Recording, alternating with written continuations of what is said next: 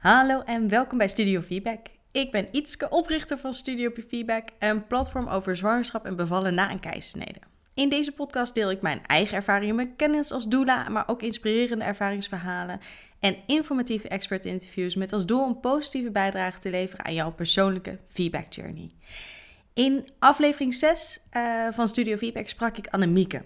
En uh, zij vertelde over uh, de spoedkeisnede van haar eerste kindje en de feedback van haar tweede. En op dat moment was ze 34 weken zwanger. En uh, ja, dat is al even geleden. En ze is natuurlijk bevallen. Uh, we hadden een tijdje terug contact en ik zei, ah, zullen we dit verhaal ook alsjeblieft in de podcast delen? Ik ben zelf heel erg benieuwd hoe dit is gegaan. En um, ja, ik deel dat ook heel graag met jou. Zo gezegd, zo gedaan. Annemieke is terug bij mij. Hartelijk welkom, Annemieke. Ja, leuk dat ik hier mag zijn. Ja, ik denk eigenlijk voor diegene die helemaal uh, jouw uh, verhaal nog niet heeft gehoord, raad ik aan om jouw aflevering nog even terug te luisteren. Maar misschien heeft men het al eens gehoord en is het een beetje weggezakt. Dus zou je jezelf kort willen introduceren en, en willen vertellen hoe die, die eerste twee geboortes waren? Ja, zeker. Ja, nou, ik ben dus Annemieke. Ik ben inmiddels 31 jaar. Ik ben verloskundige van beroep. Um, moeder van drie kindjes inmiddels. En um, daarvan was uh, Sam de oudste. Die is geboren in 2018 door middel van een keissnede. Toen bleek ik eigenlijk in de zwangerschap, uh, nou ja, na heel veel uh, onderzoekers en gedoe, als ik het zo mag noemen, bleek ik heel erg ziek. Had ik acute leververvetting en ben ik uiteindelijk ingeleid met 32 weken 6 dagen. Um, hij lag eigenlijk in stuit, maar tijdens de bevalling uh, had hij besloten dat dwars ook wel een goede manier was om te gaan liggen. En uh, dat werkt toch echt niet. Dus um, toen werd het uiteindelijk uh, een keizersnede. Um, verder supergoed gegaan en ja, kan er niet slecht op terugkijken, zeg maar. Um, en hij doet het ook tot nog steeds eigenlijk heel erg goed. En ehm, toen uh, werd ik zes maanden daarna opnieuw zwanger. En uh, is Boas, ons tweede zoontje, geboren in 2019. Um, ehm, toen ben ik vaginaal bevallen. Um, gewoon rondom de uitgerekende datum met 38 weken en 4 dagen uit mijn hoofd. en hij. Uh, eigenlijk, het, die bevalling ging heel snel, vlot, is spontaan begonnen. En uh, helemaal aan het einde kreeg ik eigenlijk best wel veel last van de wond van het litteken eigenlijk uh, in mijn baarmoeder. En um, uh, ja, het hartfilmpje werd wat minder. En uiteindelijk moest ik, ik zat in bad en het allerlaatste weeën moest ik even uit bad. Omdat het hartfilmpje toch wel dusdanig reden was om toch wel te kijken, moeten we hier niet heel snel iets aan doen.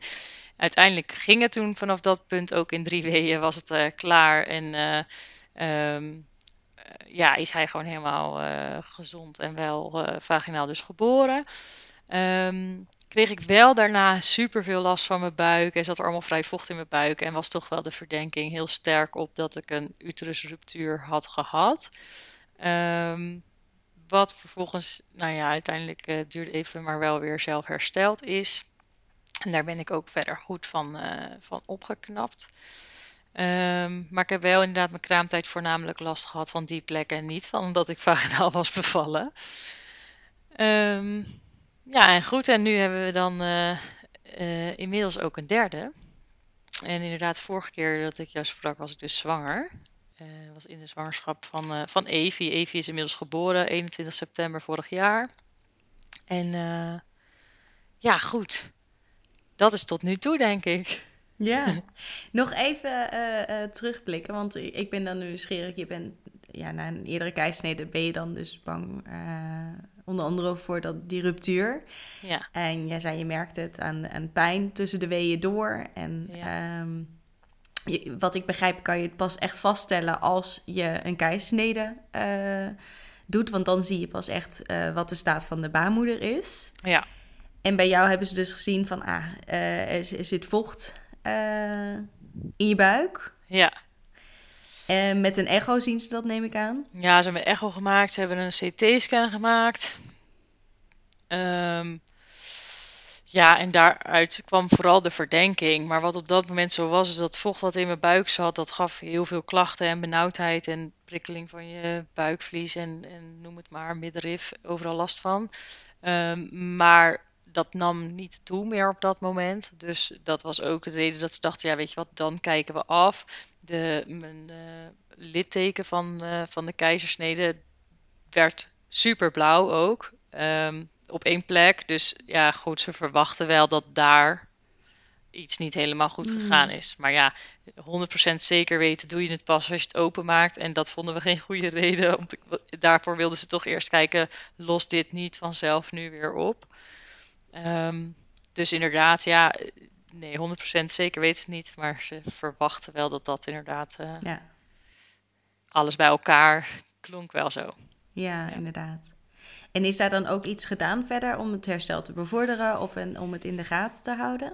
Nee, ik heb uiteindelijk een paar dagen in het ziekenhuis gelegen, want ineens gingen mijn infectiewaarden omhoog. En uh, ja, weet je, er gebeurde in dat lijf blijkbaar wel heel veel. Dus ik kon, mocht niet zomaar naar huis. Dus het duurde even een paar dagen voor ik thuis was. Maar uh, ja, ze hebben daar verder niks aan gedaan. Ja, vervolgd of het de klachten overgingen en hoe lang het duurde voordat die blauwe plek weer minder was. En uh, ja, die infectiewaarden weer stabiel werden en zo. Maar uh, nee, ze hebben uiteindelijk dus niks hoeven doen om het op te lossen.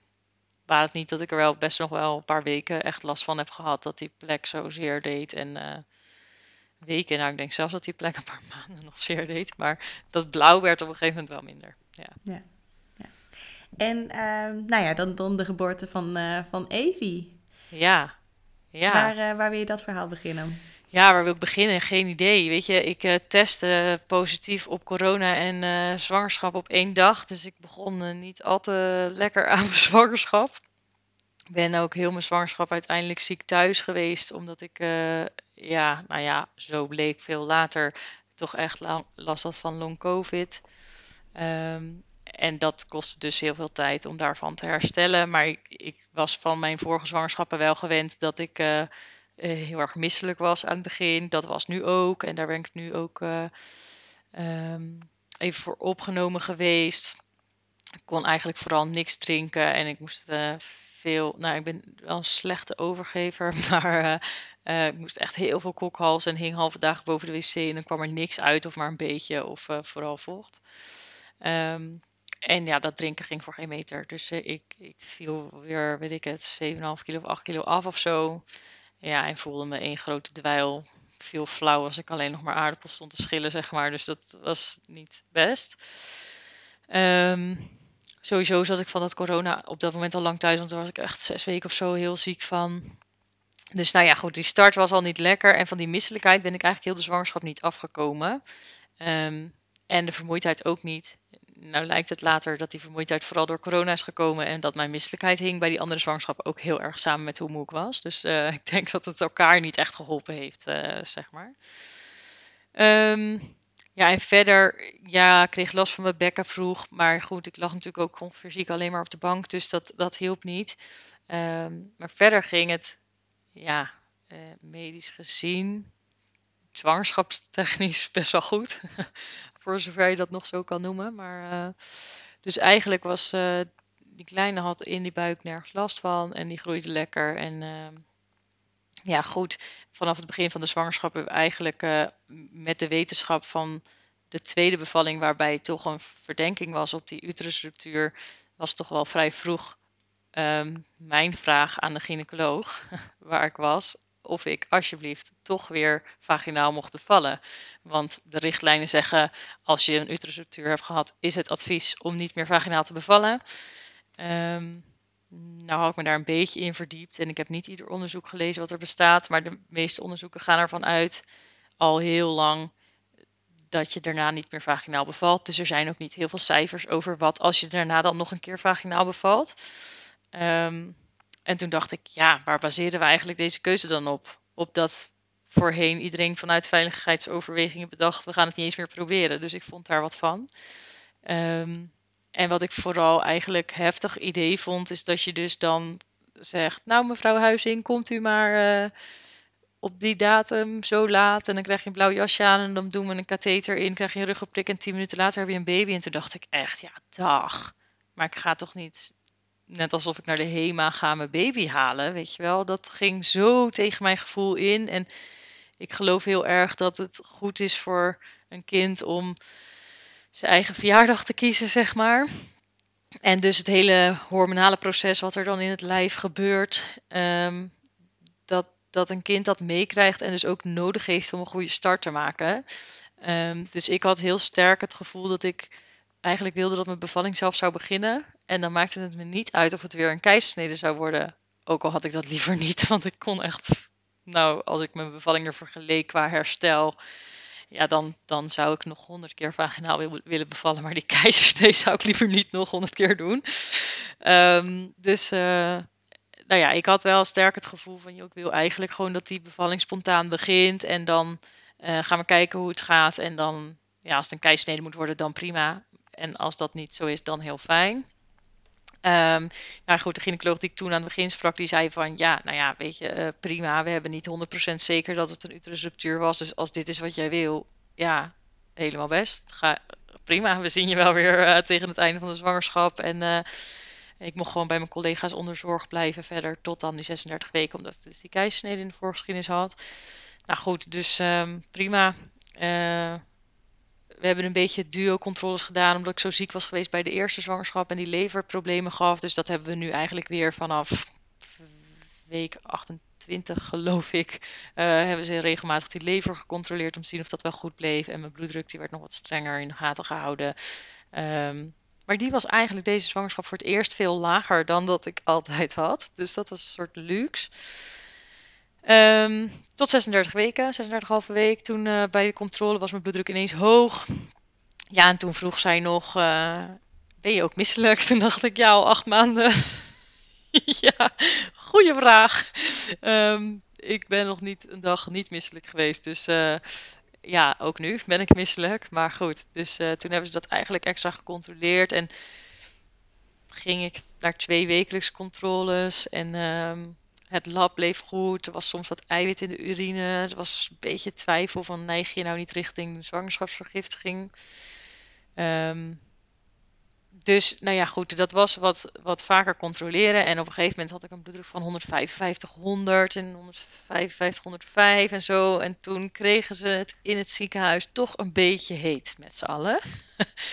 Want um, ja, weet je, uh, inleiden met een mogelijke uterusruptuur in de voorgeschiedenis heeft nog meer nadelen. Dus als je dan al wat gaat doen, is dan de vraag: moet je dan inleiden of moet je dan niet alsnog primair die keizersnede doen? En ik dacht echt: ja, ho, ho, dat willen we niet zomaar. Dus um, ja, toen met 37,5 weken heel uitgebreid uh, met een gynaecoloog gesproken. Uh, ik kende haar helemaal nog niet, want zij was eigenlijk in mijn zwangerschap nieuw gekomen, dus ik had haar nooit gezien. Uh, maar ik was wel uh, heel blij eigenlijk uiteindelijk met haar. Want zij ging echt het gesprek heel fijn aan. Ook met van joh, uh, wat wil je? Waarom wil je dat? Um, ja, weet je de risico's? En zij wist, snapte natuurlijk heus wel dat ik me daar heel goed in verdiept had. Um, maar ze zegt ook, ja weet je, hier in het ziekenhuis zijn gewoon niet alle gynaecologen die heel blij worden van je verzoek. en dat betekent dat er ook een aantal zijn die zeggen, ja ho ho, maar zo zo willen, durven wij het niet aan. Uh, dus toen hebben we eigenlijk, uh, zij, zij was een soort bang, of eigenlijk was er iemand heel bang geweest dat ik niet, dat ik echt tegen een keizersnede was. Maar dat was eigenlijk helemaal niet wat het was. Want ik was eigenlijk tegen primaire keizersnede. En dat is nog natuurlijk wel echt een aanzienlijk verschil. Want ik wilde eigenlijk gewoon mijn weeën afwachten. En als die er zouden zijn en het zou een keizersnede moeten worden, ja, dan best, zeg maar. Ja, en natuurlijk geen uh, extreme risico's lopen met een bloeddruk, want gaat je bloed afwijken en weet je allemaal, ja, dan, dan snap ik ook heus wel dat we daar uh, iets aan gaan doen. Maar goed, dan ook wel met de eventuele mogelijkheid om dan toch eerst in te leiden en niet meteen een keizersnee te doen. Nou goed, dat was voor hun allemaal best spannend betekent dat daar een heel grote uh, gezellig gynaecoloog-overleg aan de pas kwam om het hier eens even uitgebreid over te hebben. Um, of dat dan wel oké zou zijn. Um, en ja, zij was gewoon eerlijk daarna. Ze zegt, ja, er zijn gewoon een paar die vinden het geen goed idee. En er zijn een paar die wel een goed idee vinden. Maar goed, zolang jij dat dus wil, is dat oké. Met het vriendelijke verzoek om, als er weeën zouden zijn, wel het liefst zo snel mogelijk daarheen te komen om even de boel extra te kunnen controleren. Nou ja, goed, dat is prima natuurlijk. En uh, zij hoopte vooral, want die bloeddruk die ging echt wel steeds een beetje naar die bovengrens. Dat ze dachten, ja, hier ligt toch wel bijna de grens, zeg maar. En zij zeiden al, ik hoop eigenlijk wel dat je nu niet nog drie weken zwanger bent. Dus uh, hadden we wel goede hoop, want ik was de tweede keer bij 38 weken en vier dagen spontaan bevallen. Dus nu hadden we ook wel hoop dat ik niet ineens 42 weken zwanger zou gaan worden. Um, dus toen met de 38 weken en zes dagen, toen um, begon het eigenlijk ook weer. Um, en dat, het, was, het rommelde heel erg. Het was vanaf s'avonds 11 uur. Uh, Niels kwam thuis van de volleybal. En toen uh, zei ik, nou, uh, ik heb op je gewacht hoor. En toen, zei, toen moest hij een soort lachen. En ik eigenlijk ook, want het was een geintje. Maar een kwartier later zegt hij... Meen je dit nou? Zit je echt te wachten? Dus um, maar toen begon het dus ineens een soort. En toen dacht ik, oh, huh? nou ja, oké, top. Weet je, prima. We hadden eigenlijk net mijn collega die erbij zou zijn, die uh, had dienst. En uh, collega van het ziekenhuis die er ook bij de tweede keer uh, bij was, die uh, had al gezegd, nou, deze dag zou echt top uitkomen, zeg maar. Want het kwam gewoon in iedereen's agenda het best uit. dus um, het was, een soort grappig. Maar en ik had zelf heel de tijd gezegd, nou 21 september 2021, dan ga ik bevallen. En dat werd het dus ook. Dus het was echt uh, nou, alsof het zo moest zijn. Dus iedereen uh, kon eigenlijk. En, maar goed, het zette een soort niet door. Dus ik dacht, ik ga eerst nog even in bad. Want ja, ik ga ook niet na twee weeën het ziekenhuis bellen. Want dan zijn ze weg en dan. Dan moet je alsnog aan de weeënopwekkers. En dat wilde ik eigenlijk niet. Dus toen dacht ik, nou, ik ga eerst al in bad. Toen dacht ik, nou, ik ga toch naar bed. Want het zakte een beetje weg kwam het toch weer een beetje terug. Ja, en in bed was het eigenlijk gewoon echt een soort niet doen, deed gewoon zeer. Toen dacht ik, ja, in bad, maar ja, dan zakte het eigenlijk weer een soort af. Dus het was echt een beetje, hmm, maar ik kon dus niet slapen. En ik, na, uh, weet ik veel, uh, vijf uur in bad of zo, was ik ook wel een beetje klaar. Toen dacht ik, ja, weet je, als het nou niks is, dan wil ik het eigenlijk gewoon weten. Want dan moet ik misschien gewoon, ik had al paracetamol genomen en zo, weet je wel, niet dat het hielp, maar goed, ik kon het wel proberen. Dus toen dacht ik s'nachts ergens van ja, ik ga toch mijn collega even bellen om half vijf om te overleggen van ja, sorry, ik weet het eigenlijk niet. Klinkt heel dom, maar ik heb de ene keer om de vijf minuten weeën en dan is het weer om de acht minuten. Dus ja, ik weet eigenlijk niet, maar misschien wil ik dan toch weten of dit iets doet of niet. En toen kwam zij en toen had ik eigenlijk al vier centimeter mooi verstreken. En toen zei ze ook ja, ja, eigenlijk denk ik dat het toch wel gaat beginnen. Dus toen zijn we toch maar om de. Weet je, kijk, in een andere situatie zou ik niet gegaan zijn. Maar nu uh, dacht ik, ja, met deze voorgeschiedenis. En dan toch al best een tijd weeën.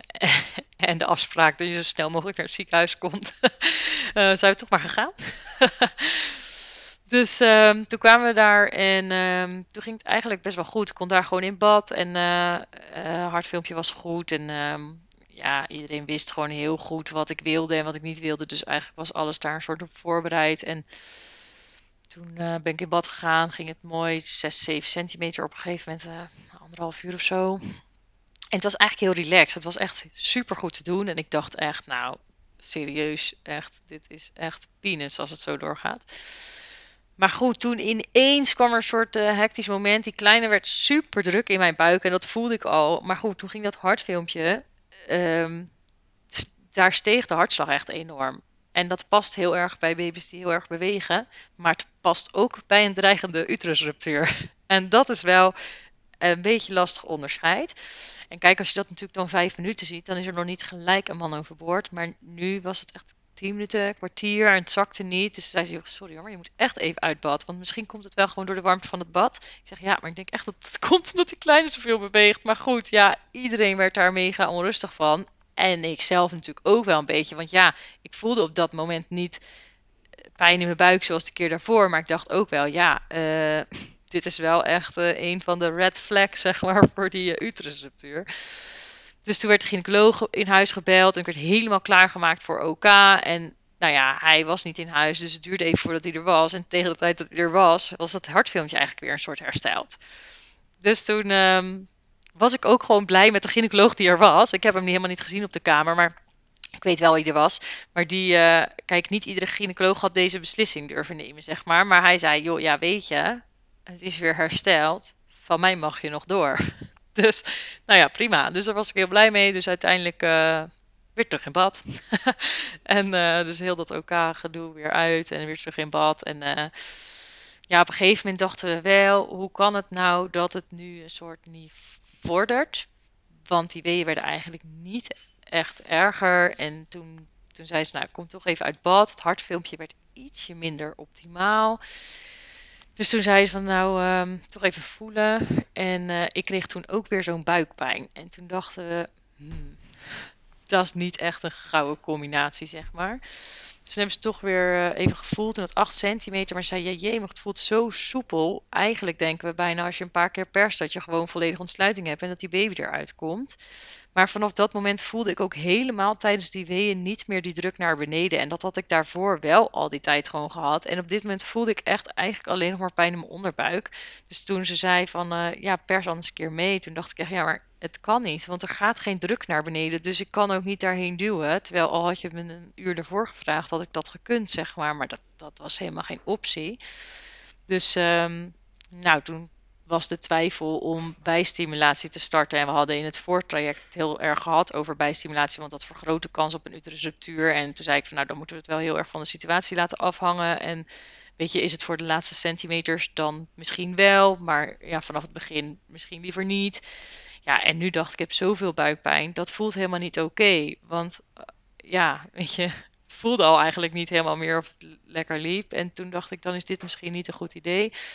Dus um, toen kwam de gynaecoloog erbij en dat, dat, die, zei, uh, die wilde heel erg ook nog meegaan hoor. Want ze zei, ja weet je, het is een optie. Want ik denk echt als je een paar keer perst dat het zou kunnen.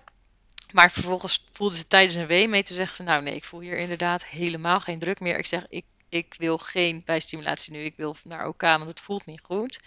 Dus toen zijn we eigenlijk gegaan, een soort gelijk gegaan, zeg maar. En toen... Um, zei ze op de OK. Het was eerst nog een heel gedoe met de ruggenprik. was echt verschrikkelijk. Die, die uh, anesthesist die uh, luisterde niet zo lekker. dus ik zat nog scheef en toen prikte die al, want had geen zin om te wachten. En toen deed de verdoving het niet. Dus toen wilden ze de test doen of ik inderdaad uh, niks meer voelde. En toen voelde ik gewoon nog wel wat ze deed. En toen dacht ik echt, het gaat toch niet gebeuren dat ik nu onder narcose moet. Want dat is echt helemaal mijn nachtmerrie. Heb ik heel dit traject gehad en dan wordt het uiteindelijk een keizersnee, wat dan toch een beetje balen is. Ook al was het echt helemaal prima en stond ik heel erg achter deze keuze, zeg maar. Dacht ik wel echt, nee, ik wil wel de geboorte van mijn kind meemaken. Het gaat nu toch niet gebeuren. Nou goed, toen kreeg ik, deden ze een tweede test, dat deed het ook nog niet. En toen kreeg ik het wel echt een beetje heet. Dus toen heb ik echt keihard gehuild. Want ik dacht echt, dat gaat toch niet gebeuren dat, dat dit nu, weet je. Want dan mocht de geboortefotograaf er niet meer bij zijn. En dan, uh, want dat was echt voor het eerst in dit ziekenhuis dat de geboortefotograaf mee mocht op elkaar. omdat ik gesmeekt had of het alsjeblieft mocht. En dan had dat niet meer gemogen. En, en dan ja, had Niels dus inderdaad niet er bij kunnen zijn, dan had hij dus ook uh, op de kamer bij de kinderarts moeten blijven. En ik, en, nou, ik zag het helemaal dramatisch worden. en uh, de verloskundige van het ziekenhuis was ook juist mee naar OK. Want ze zegt, nou dan blijf ik ook bij je. En dan ging zij ondersteunen bij die keizersnee. Het was echt allemaal super fijn. En dan gebeurde dit. En toen dacht ik echt, dit mag niet. En toen was die anesthesist ook nog mega zagrijnig. Dus die zei op een gegeven moment, nou nog vijf minuten. En als het dan niet werkt, dan doen we narcose. Nou, en toen dacht ik echt gewoon, het is nu of niet. ik kan er niks aan doen ook nog is. Dus uh, toen zei hij echt al na twee minuten: Ja, nou, doe maar een test. En toen zei de gynaecoloog: Nee, vijf minuten is vijf minuten. dus we wachten. En toen was ik zo dankbaar voor, jongen. Want nou ja, daarna werkte het dus. Nou ja, goed, toen was de ontlading eigenlijk ook al best wel groot. Want ik dacht wel echt, ja, oh, ik mag gelukkig gewoon dit wel meemaken. En uh, nou goed, toen mocht Niels er gewoon bij. En die had wel gezien dat ik lag te huilen daar die tafel door dat raampje. Maar die dacht echt, wat is hier aan de hand? En stond al de hele tijd met dat mesje klaar. En hij dacht, ze gaan toch niet serieus? Hallo, ik moet er nog bij, weet je wel. Dus die was ook helemaal zo van, oh nee, uh, wat is er dan aan de hand? Maar goed, toen uiteindelijk... Uh, ja, toen was het natuurlijk zo gebeurd. Uh, toen gingen ze snijden en toen kwam ze bij mijn baarmoeder. En toen zei de gynaecoloog, zo, nou, Jij mag nooit meer zwanger worden, want ze zag door de wand van mijn baarmoeder heen de haren van Evie al liggen. Zo dun was die wand, dus het was nog niet gescheurd. maar er stak helemaal een soort bobbel uit. Het was eigenlijk een soort vlies. En daar stond natuurlijk de druk van binnenuit op. Dus dat stond al helemaal, ja, dat puilde al een soort daar naar buiten. Dus um, ja, het is denk ik een hele goede keuze geweest om, uh, om niet uh, die bijstimulatie te willen starten. En ik denk ook dus dat dat weer goed aangevoeld misschien wel heb van joh, dit gaat niet, um, niet de goede kant op op deze manier. Dus uh, ja, perfect eigenlijk hoe het ging. ja. Fantastisch dat je dit verhaal vertelt. Zeg ja, perfect. Uh, ja, nou ja, weet je. nou ja, ja, je had wel volledig de regie. Uh, je had alles Ja. goed doorgesproken. Alles is in, in goed overleg gegaan. Uh, gelukkig is die ruggenprik nog uh, gaan werken. Thank God. Ja, ja echt. Ehm, ja. En, en ja, wat je zegt, je, je hebt gewoon donders goed geluisterd. Ja, verdomd, verdomd goed geluisterd naar je lichaam. ja. En, Ja. eh, en ik denk dat dat het allerbelangrijkste is geweest. Ja, en ik heb ook echt wel gevoeld dat ik ruimte had om die keuze zelf te maken. Want zij dachten echt, ja, ho, maar jij wil echt niet, niet eh, met een keisnede bevallen. Dus misschien is die ruimte er nog wel om toch door te gaan. Want dat wil je heel graag, dus weet je zeker dat je dat niet wil. En toen, toen zei ze ook, toen ik zei, nee, dit gaan we niet doen. Het voelt echt niet goed, het doet te veel zeer in mijn buik. Toen zei ze ook, nou, als jij dat zegt, dan gaan we zeker. Want zij zei ook, ja, weet je, dit zeg jij niet voor je lol. Want als ik had mogen kiezen, had ik op dat moment ook liever vaginaal bevallen. Tuurlijk. Weet je, en als ik had make we hebben dus in net twee weken geprobeerd wat er zou gebeuren als ik zou persen, maar het sloeg nergens op. Het was niet daarheen. En weet je, want dat wilde ik best wel even proberen. Maar ik wist eigenlijk al dat gaat hem niet worden, want daar gaat helemaal geen gevoel meer heen. Dus ja, en ik heb echt wel gevoel dus dat, dat ze alles ook hebben gedaan om die wens om vaginaal te bevallen weer te laten slagen, zeg maar. Maar ik wist op voorhand dat het scenario gewoon zo kon zijn. En ik was al lang blij dat mijn zelf begonnen waren. Eigenlijk was dat het grootste feest Ja. van de dag, zeg maar al. Ja, weet je, en dat alles en iedereen erbij kon zijn en iedereen op de hoogte was. En, en, en ook op het moment eerder al dat, dat inderdaad die hartslag dus zo hoog was en alles klaar was. Weet je, dat zelfs toen nog de ruimte was om te besluiten, ga nog maar even zo door. En ja, je hoort wel eens mensen die zeggen: Oh ja, het voelt alsof ik gefaald heb. En nou heb ik al die ontsluiting voor niks gedaan. En ik denk alleen maar: wat goed. Mijn kind heeft gewoon al die tijd gewoon weeën gehad. En die hormonen waren helemaal optimaal. En nu werd ze niet ineens cold turkey uit de buik geplukt. En ja, was haar start prima. Ja. Weet je, dus dat was echt ehm, heel fijn. En, ik, en de eerste keer dat ik een keisnede kreeg was met 33 weken. Dus ja, toen kon die kleine niet bij mij liggen. Die moest gelijk mee. En, en die heb ik alleen even gauw eh, boven dat zeiltje gezien. Of gauw, dat, dat duurde wel even, want hij deed het op zich redelijk goed, zeg maar, voor de termijn. Maar goed, ja, die kon niet bij mij liggen. En, eh, en, en Evie werd eigenlijk eh, ja, even nagekeken. Maar vervolgens kwam ze bij mij en heeft op het OK aan de borst gelegen. En ja, die is niet meer weggegaan, zeg maar. Nee. Dus dat was andere natuurlijk ook... ervaring. Ja, dat was ook een heel groot verschil. Dus, dus ja, dit was in alle opzichten een fijner dan, dan zo'n eerste keisnee. Want toen duurde het bijna twee uur voordat ik hem voor het eerst zag. Zeg maar voor het eerst weer zag nadat hij van de OK weg is eh, gehaald. Ja, en nu was dat zoveel beter natuurlijk. Want zij werd gewoon met een normale termijn geboren. En ehm, ja, dat kon nu allemaal. En de geboortefotograaf mocht er nu bij zijn. Wat echt ook uniek was, zeg maar, voor, voor het ziekenhuis. Ja. Dus dat was ook echt inderdaad eh, heel cool. Want ik heb echt gesmeekt. Die gynaecoloog ook. Ook een nieuwe gynaecoloog. En ik had haar wel in de zwangerschap al een keer ontmoet, zeg maar. Maar die was ook in mijn eh, eh, afwezigheid eh, gekomen. En ik zei ook echt, het maakt me niet uit wat je doet. Maar als je maar op je knietjes gaat bij de, bij de anesthesist. Want je, ik zei, moet er echt bij zijn. Het maakt me niet uit, maar zij moet er echt bij zijn. Dus ze zegt, nou, ik ga echt mijn best doen. En eh, ja, dat heeft ze ook wel echt gedaan. Dus ik was heel blij dat dat inderdaad ook mocht. ja. Ja, super fijn. Ja. Weet je of het nu vaker gebeurt daar? ja, weet ik nog niet. Ik, eerlijk gezegd, ik heb wel eh, de foto's eh, ook aan die gynaecoloog inderdaad gegeven. Maar zij werkt inmiddels niet meer in dit ziekenhuis. Dus, maar ik weet, nee, ik weet eigenlijk niet of ze... Ik weet wel dat, dat zij heel vaak in het ziekenhuis ook wel komt, zeg maar. Of vaker in het ziekenhuis komt. Maar of ze ook vaker op OK mag, weet ik eigenlijk niet. Maar zij ging daar wel haar best toen voor doen. dat Ja. dat vaker zou mogen. Ja, Ja. ja. Nee, en daar hadden we het de vorige keer ook al over, van hoe waardevol het is om een geboortefotograaf uh, erbij te hebben. Hoe, hoe de bevalling dan ook loopt. Ja, uh, dit kan ik echt iedereen aanbevelen. Het zijn echt de mooiste boeken die ik hier in huis heb staan, denk ik. Ja. En Jessica was erbij, toch? Ja, Jessica was Jessica erbij. van VI Photography, ja. Nee, die maakt echt prachtige foto's. Dus uh, voor iedereen die luistert ook een enorme tip om, uh, om haar op Instagram te volgen. Ja, zeker, zeker, zeker. En, ja, en om haar uit te nodigen bij de bevalling. ja, dat nog ja, meer. Ook. Ja, oh, ja dat en ze ook, heeft ja. mijn foto's ook nabewerkt nog. Dat, Ja. eh, dat als het niet eh, op rijafstand is, eh, is dat ook nog iets wat, ze wat ze soms doet. Dat is ook echt super fijn. Dat zorgt echt nog voor een heel ander eh, gevoel bij foto's die, eh, die gewoon met een eh, iPhone of met een, je eigen camera gemaakt zijn. Ja, zeker. Heel mooi. En ehm, wat ik ook nog bijzonder vond, want ik hoor wel vaker dat wa- wat jij heel sterk voelde van ik wil gewoon graag dat mijn kindje de, eh, haar eigen verjaardag kiest.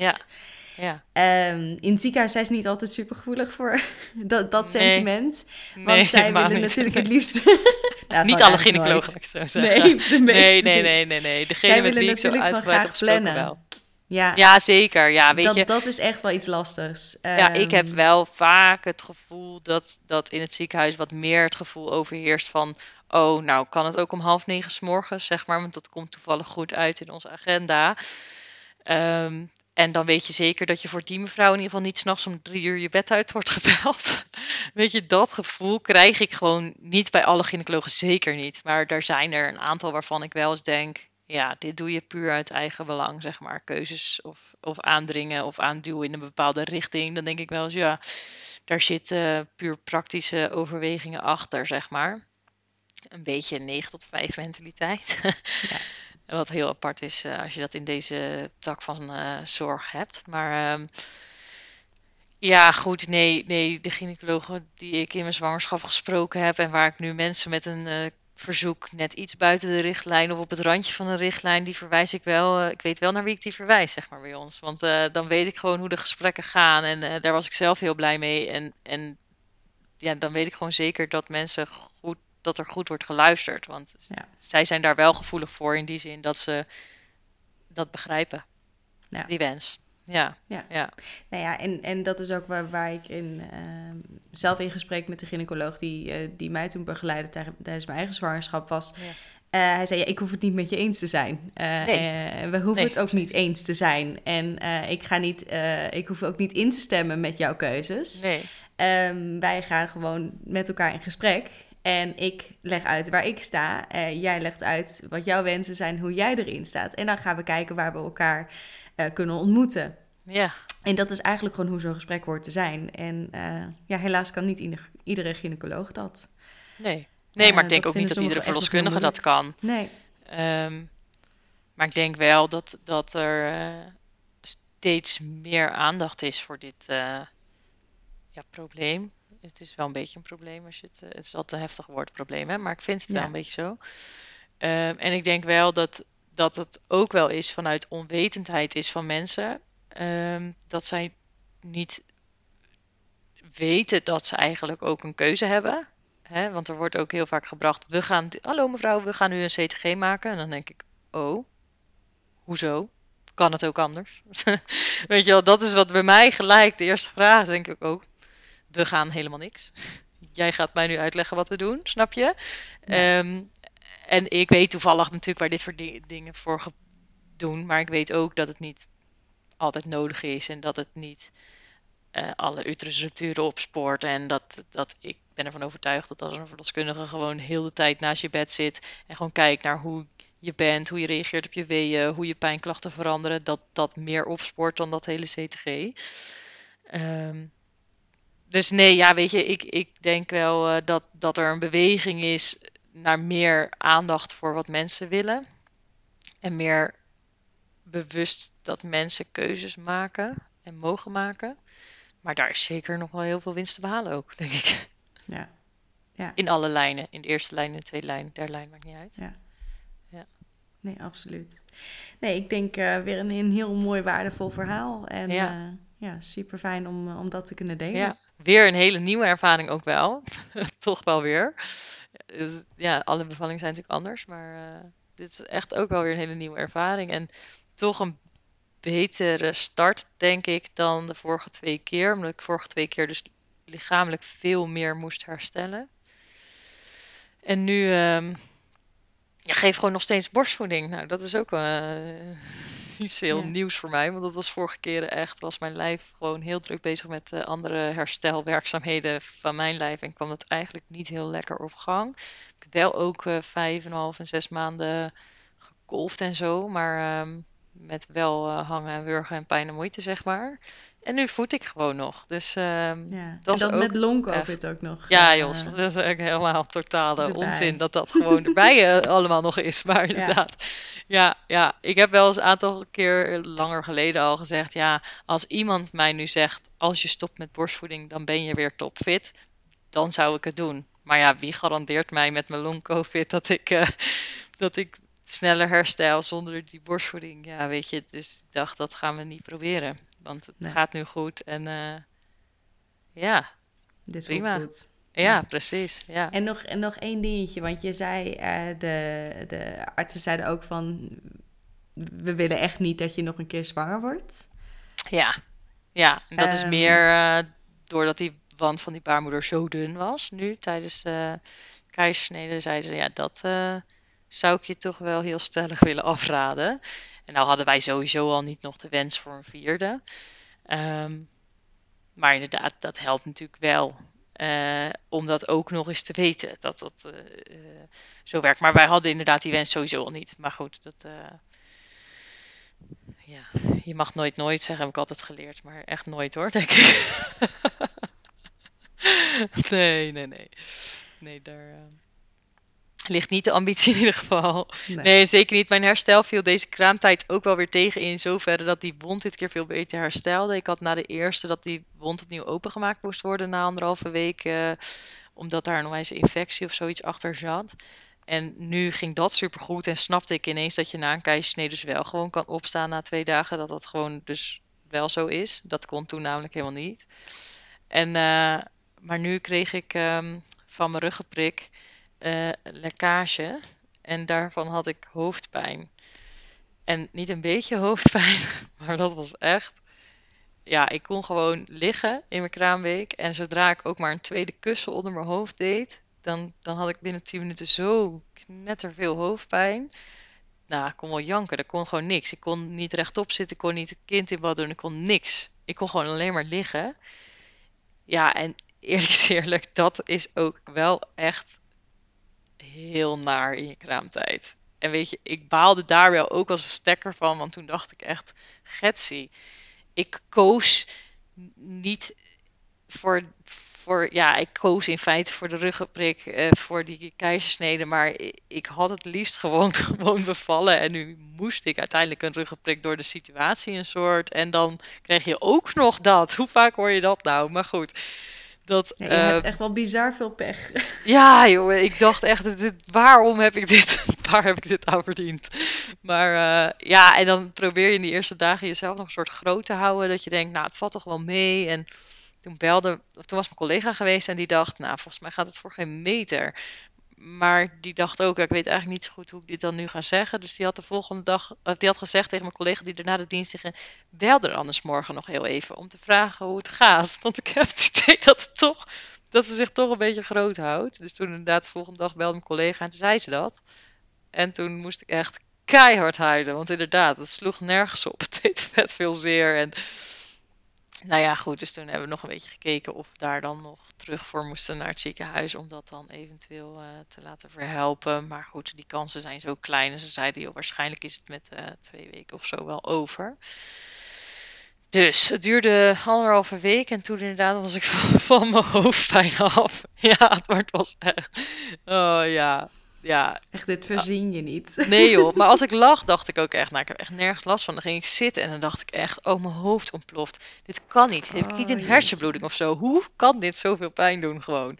Ja, het was echt verschrikkelijk. Maar goed, ook dat ging over. En toch kan ik er goed op terugkijken. ja. Je lacht nog, ik vind het ja, knap. Precies, ja, Nou ja, je, soms moet je er ook maar om lachen, denk ik. Want ja, je verzint het niet. En het is allemaal wel interessante informatie als je verloskundige bent. voor je voorlichting. ja. Dat dan weer wel.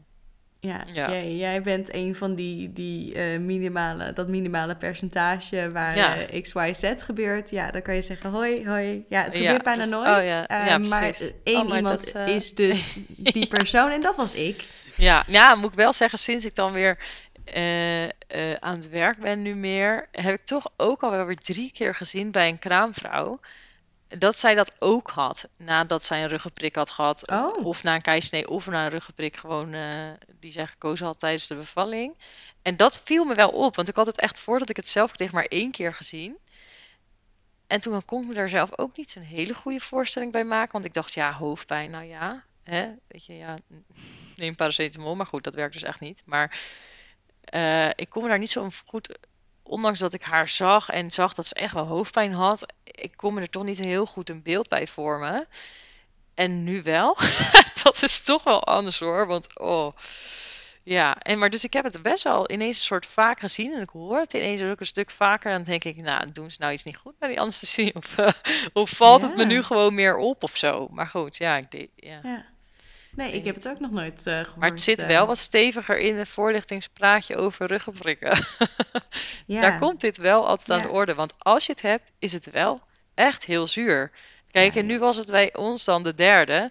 En, en hoeven ze mij niet meer te vertellen hoe ik een luier moet verschonen of hoe ik een badje moet, eh, moet doen. Maar als het je eerste kind is en je kan anderhalve week alleen maar plat liggen, ja, dan heb je eigenlijk niks aan je kraamzorg.